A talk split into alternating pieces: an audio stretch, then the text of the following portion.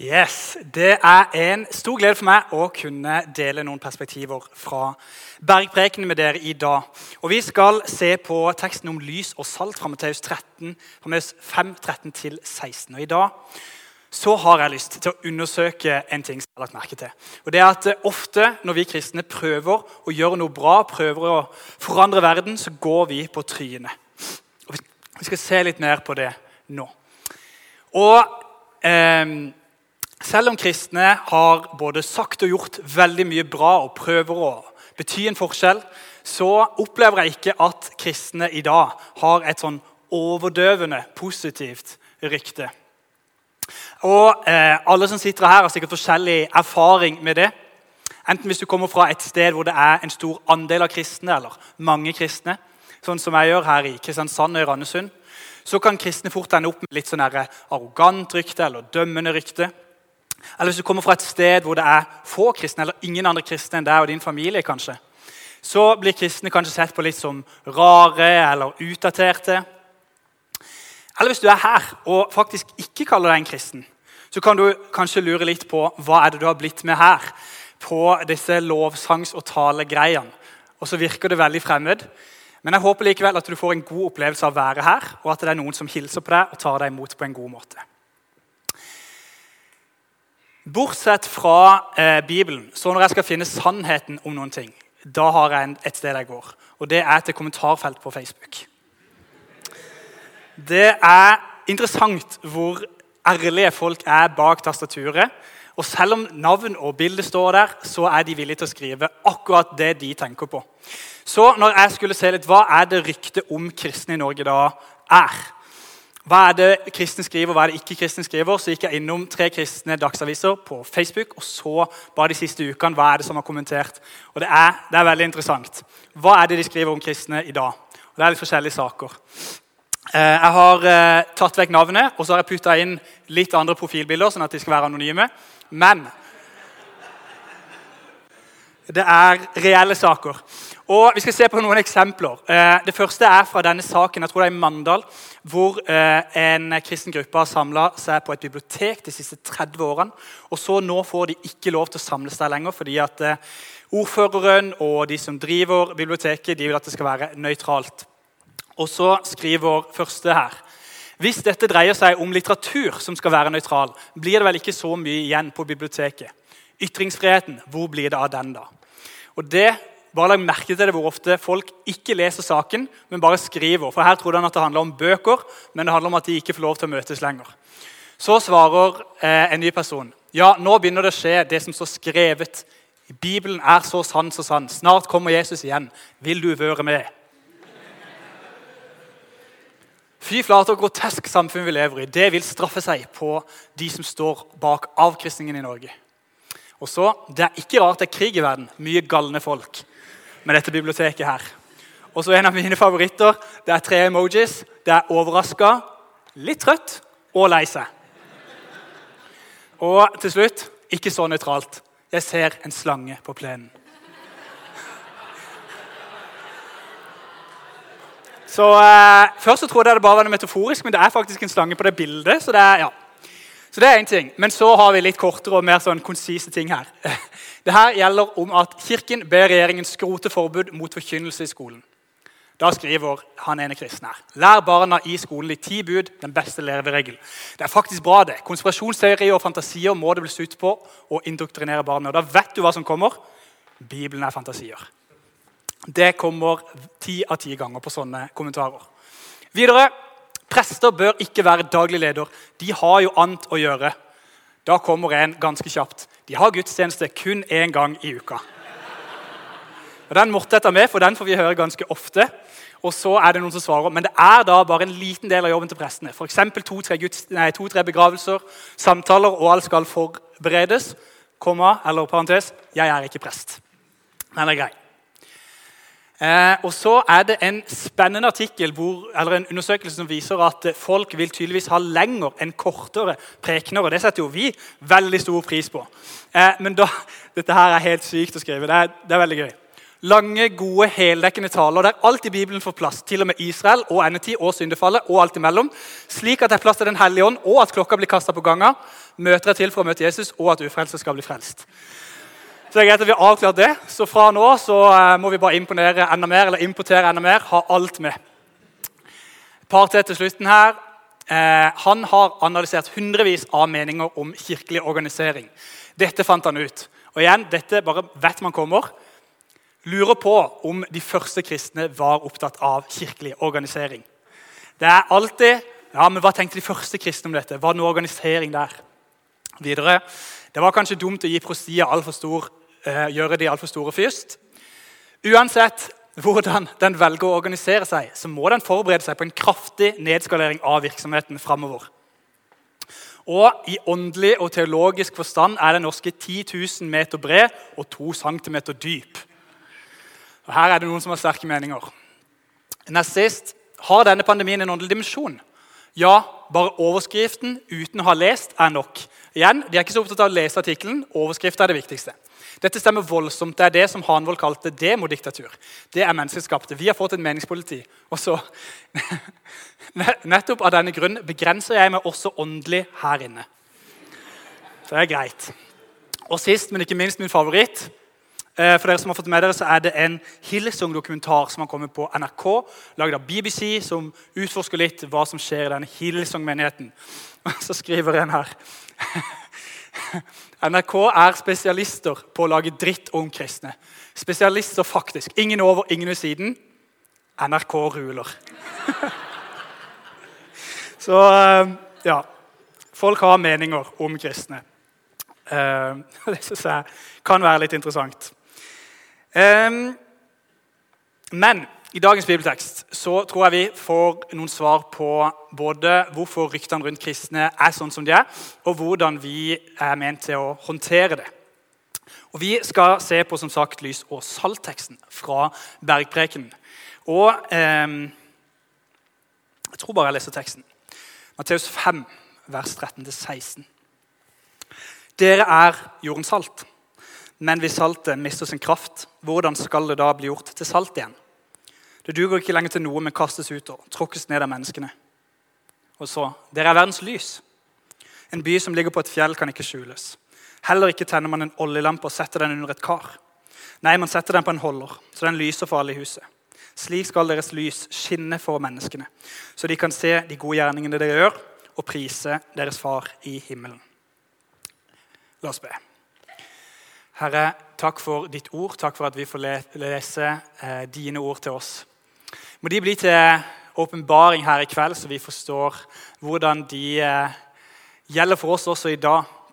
Ditt ord er levende.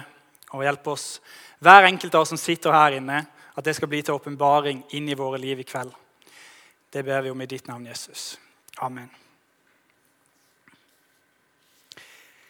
Dette er en veldig interessant tekst. og eh, For dere som har vært her allerede noen eh, torsdager før, så er vi i Jesu mest kjente preken, kanskje, hvor han kommer med noen veldig sånne ofte enkle eksempler, men som har en enorm dybde i seg. Så I dette eksempelet så forteller han noe om at kristne han gir oss to hverdagseksempler på hvordan vi er i denne verden og er ment til å være og leve i denne verden. Han sier at dere er verdens salt, og dere er verdens lys.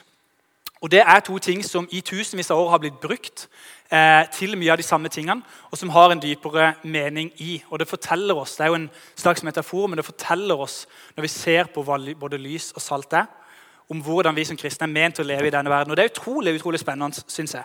Vi skal se litt på begge deler. La oss se litt på salt først. Hva betyr at kristne skal være jordens salt? Det høres jo veldig rart ut. Men når man begynner å se på det, så er det utrolig, utrolig spennende hva det betyr for oss i dag. Salt det har forskjellige kvaliteter. En av de kvalitetene som det har hatt helt tilbake til romertida, og hvordan folk har sett på det, det handler om renhet. Det blir sett på noe, som noe veldig rent. Så én ting når Jesus sier at vi skal være som salt, så er det at vi skal være rene. kan det bety.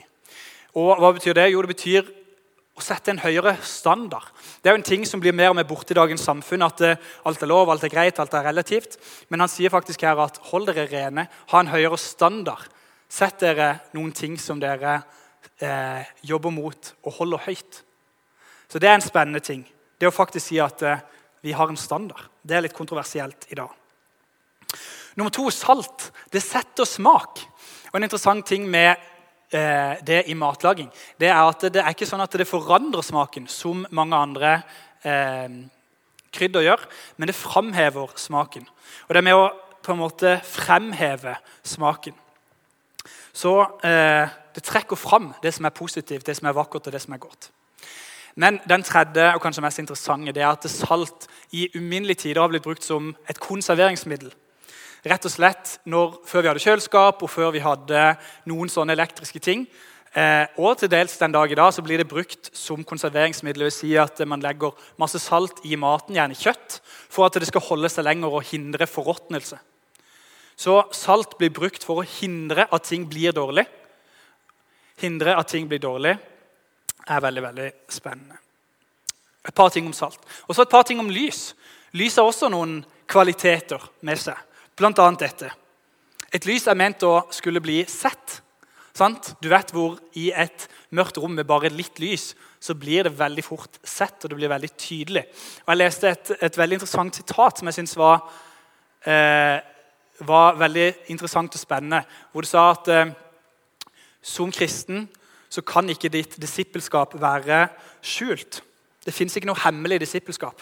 Enten så ødelegger hemmeligheten disippelskapet, eller så ødelegger disippelskapet hemmeligheten.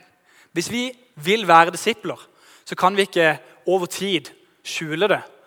Det er naturlig. Hvis vi følger Jesus, så vil det få en konsekvens. Det vil bli synlig for andre mennesker. Vi sier gjerne ellers i samfunnet ellers at tro er noe veldig privat. Men vi tror at som kristne så, så er vi ment at vi skal gå ut, eller at andre får merke det på oss at vi er kristne. Så lys har den ene kvaliteten der at det er ment å bli sett. Nummer to et lys er en veiviser. Sammen med det hvis det er mørkt et sted og du har et lys, så plutselig så kan du være med å finne veien. Og en veldig bra bok av Magnus Malm heter 'Veiviser' og handler nettopp om det at vi som kristne kan være med og vise vei. Og Noe av kristen disippelskap handler jo om å gi det videre. At vi har fått lov til å oppleve noe, se noe, og så kan vi gi det videre til andre. Både det å noen ting vi har oppdaga med Gud, og spennende ting og trosvandring. Men først og fremst så er det jo nettopp at det er der vi har fått oppleve å bli frelst. Og Når vi gjør det, så skapes det en lyst i oss tror vi, på å vise andre det vi sjøl har fått oppleve. Så lys det både er ment å bli sett, det er ment å vise vei. Og nummer tre, og det mest åpne lyset, et lys skinner i mørket. Sånn som jeg sa, i et stort, mørkt rom så er det bare litt lys som skal til for at det blir veldig mye lysere i det rommet, i den situasjonen, der hvor vi er. Lys og salt. To sånne hverdagseksempler som litt vanskelig å forstå seg på. Men når man går litt i dybden på det, så synes jeg det er utrolig spennende. så det har noe å si for oss i dag. Og så leste noe av en som heter John Stott, en fantastisk forkynner og kristen underviser som har skrevet masse bra bøker. Og Han har et fantastisk perspektiv på dette her, denne teksten her i Bergpreken om at lys og salt. For Han sier at det er en grunn til at det står sammen. At vi er både lys og at vi er salt.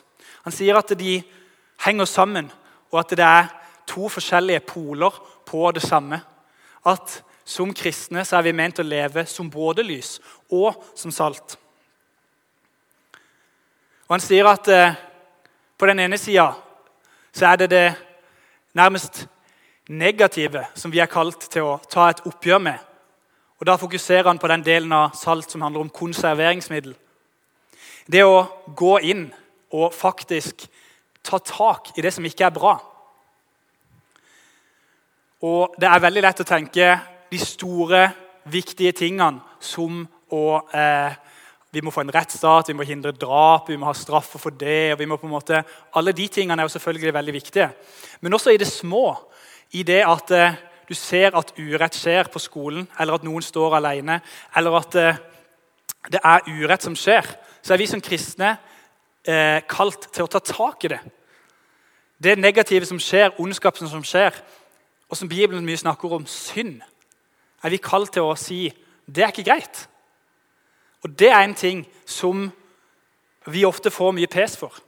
Fordi at eh, Kan vi ikke bare la det ligge? Kan vi ikke bare snu oss bort fra det som ikke er bra?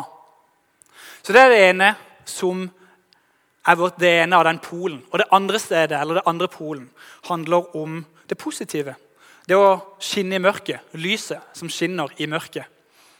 Ikke bare er vi kalt til å ta tak i det som ikke er bra, men minst like viktig er å bringe godhet, bringe glede, bringe fred inn i de situasjonene der vi er.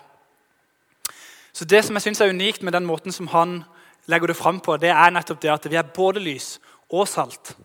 Og Vi får lov til å bidra på begge deler. En annen ting i forhold til det med å skinne i, i, eh, mørket, det å bety en forskjell Det er veldig lett at vi kan gjøre det eh, her på torsdagen, hilse på noen nye. Det er en veldig fin ting. Men også det å gå ut og bety en forskjell.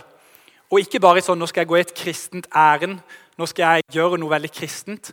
Men det å ta tak i samfunnsstrukturer, ting som ikke er bra, og gå ut og endre det. Bli med i studentrådet, bli med i politikken, engasjere seg i andre ting.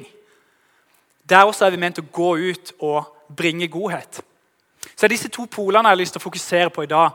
Både det å ta tak i det som ikke er bra, men også ta tak i at vi kan bringe godhet. Og det her er tilbake til det som jeg opprinnelig sa. At vi som kristne går ofte på en smell når vi prøver å gjøre verden til et bedre sted.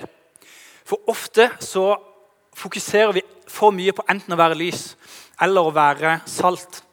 Men vi har kalt det å være begge deler, og det funker bare når vi er begge deler samtidig.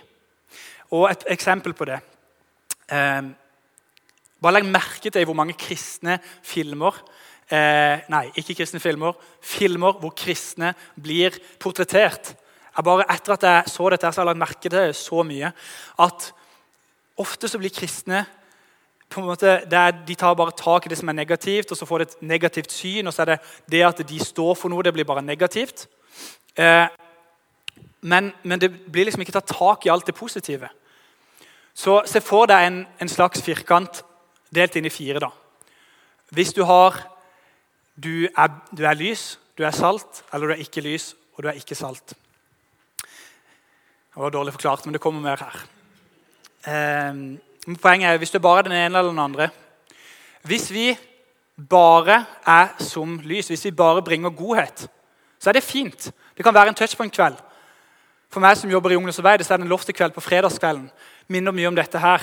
Og det har Vi fokus på. Vi ønsker å være et sånn type fellesskap hvor det gode er i sentrum. Hvor vi hilser på nye og er her for hverandre og med hverandre og bygger et godt fellesskap.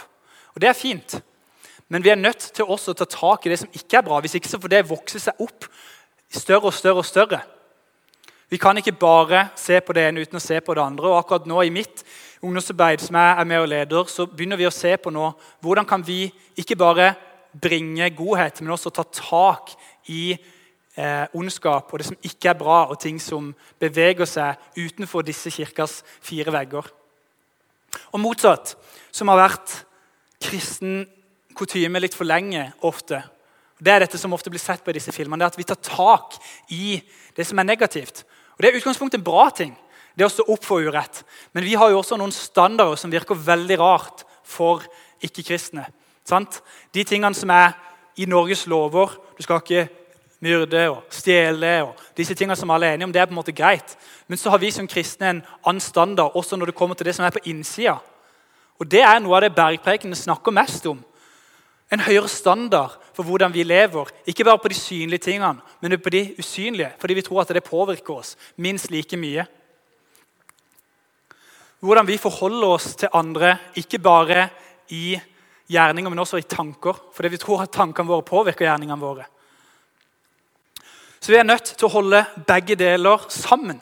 Og Det er det som ofte er så utfordrende. For Hvis vi igjen da holder bare tak i det negative, så blir det bare en sånn nedadgående spiral hvor folk føler at vi er dømmende, hvor det blir en sånn negativ ting, hvor de ikke hører på det vi har å si.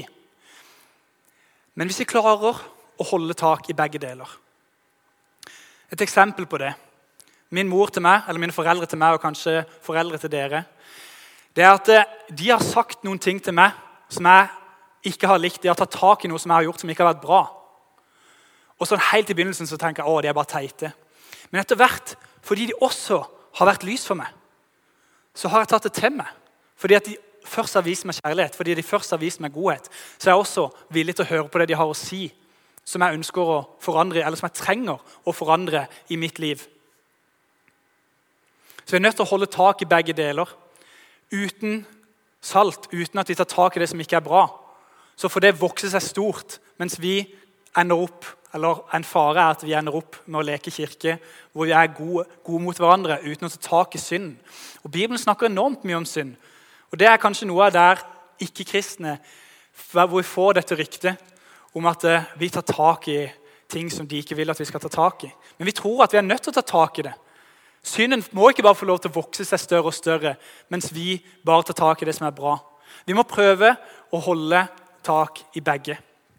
Og Det er utrolig vanskelig, men i eh, Skal vi se Galaterbrevet så står det Jeg lever ikke lenger selv, men Jesus lever i meg.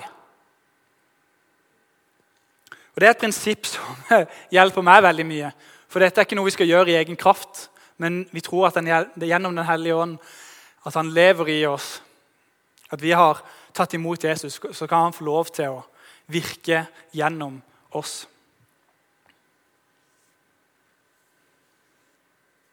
Og Vi er kalt til å leve annerledes liv. Og Det er noe av det denne taleserien handler om. Å faktisk tørre å stå opp for noe. Tørre å ta tak i det som ikke er bra i verden. Men la oss gjøre det i kjærlighet. Vi er nødt til å holde sammen begge deler. Hvis ikke så blir vi dømmende. Hvis ikke så lever vi opp til det ryktet. Men hvis vi først kommer med godhet og kjærlighet, så kanskje kan man ta et oppgjør også med synden. Et eksempel på det å leve som en tydelig kristen, det å velge å leve annerledes. Det å faktisk ikke bare snu seg vekk fra urett, men ta tak i det og være tydelig på at jeg ønsker å være en kristen. Det er det som heter et koptisk kors. eller I Egypt så er det veldig mange kristne som har et koptisk kors, et sånn type kors som de tatoverer på eh, armen eller på håndleddet. Fordi at de har tatt et valg om at de ønsker å være tydelige kristne. De ønsker å stå opp mot urett, også i et land hvor det er mye forfølgelse. Og de vet at hvis jeg tar det korset, så lever jeg med det resten av livet. Men de har tatt et valg om at jeg ønsker å leve annerledes. Og Da har vi hørt historier om at eh, når noen setter seg ved siden av dem på bussen, og de ser at de har dette korset, så bare går de igjen. De bare flytter seg. Eller andre historier hvor eh, noen kommer i en butikk og skal kjøpe noe, så kommer de til kassa og ser at eh, han som er i butikken, har dette korset. Så bare slipper de alt de har, og går. Og Det er jo noen av de mer kanskje harmløse eksemplene. Men det er noen av de tingene som skjer i Egypt.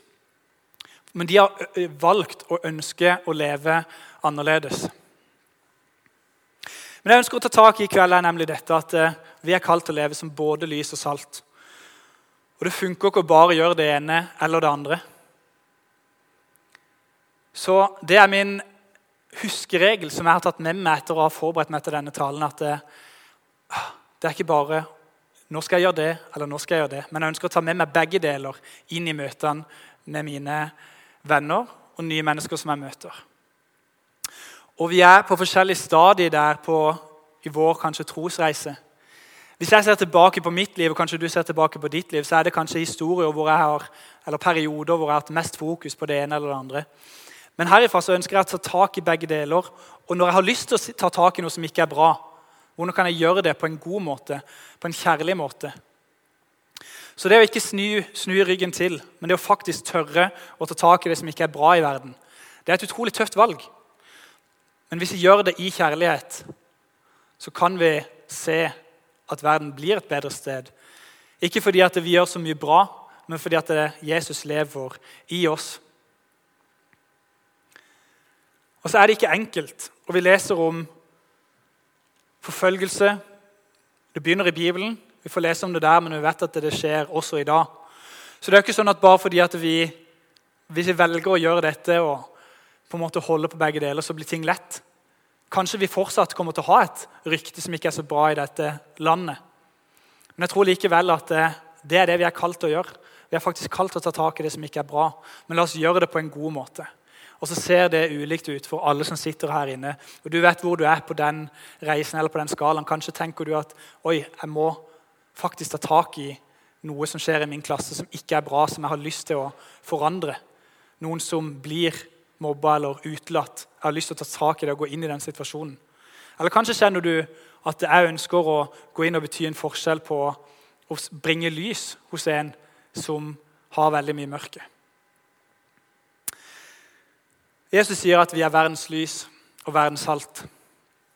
La oss ta det med oss inn i helga og inn i den nye uka.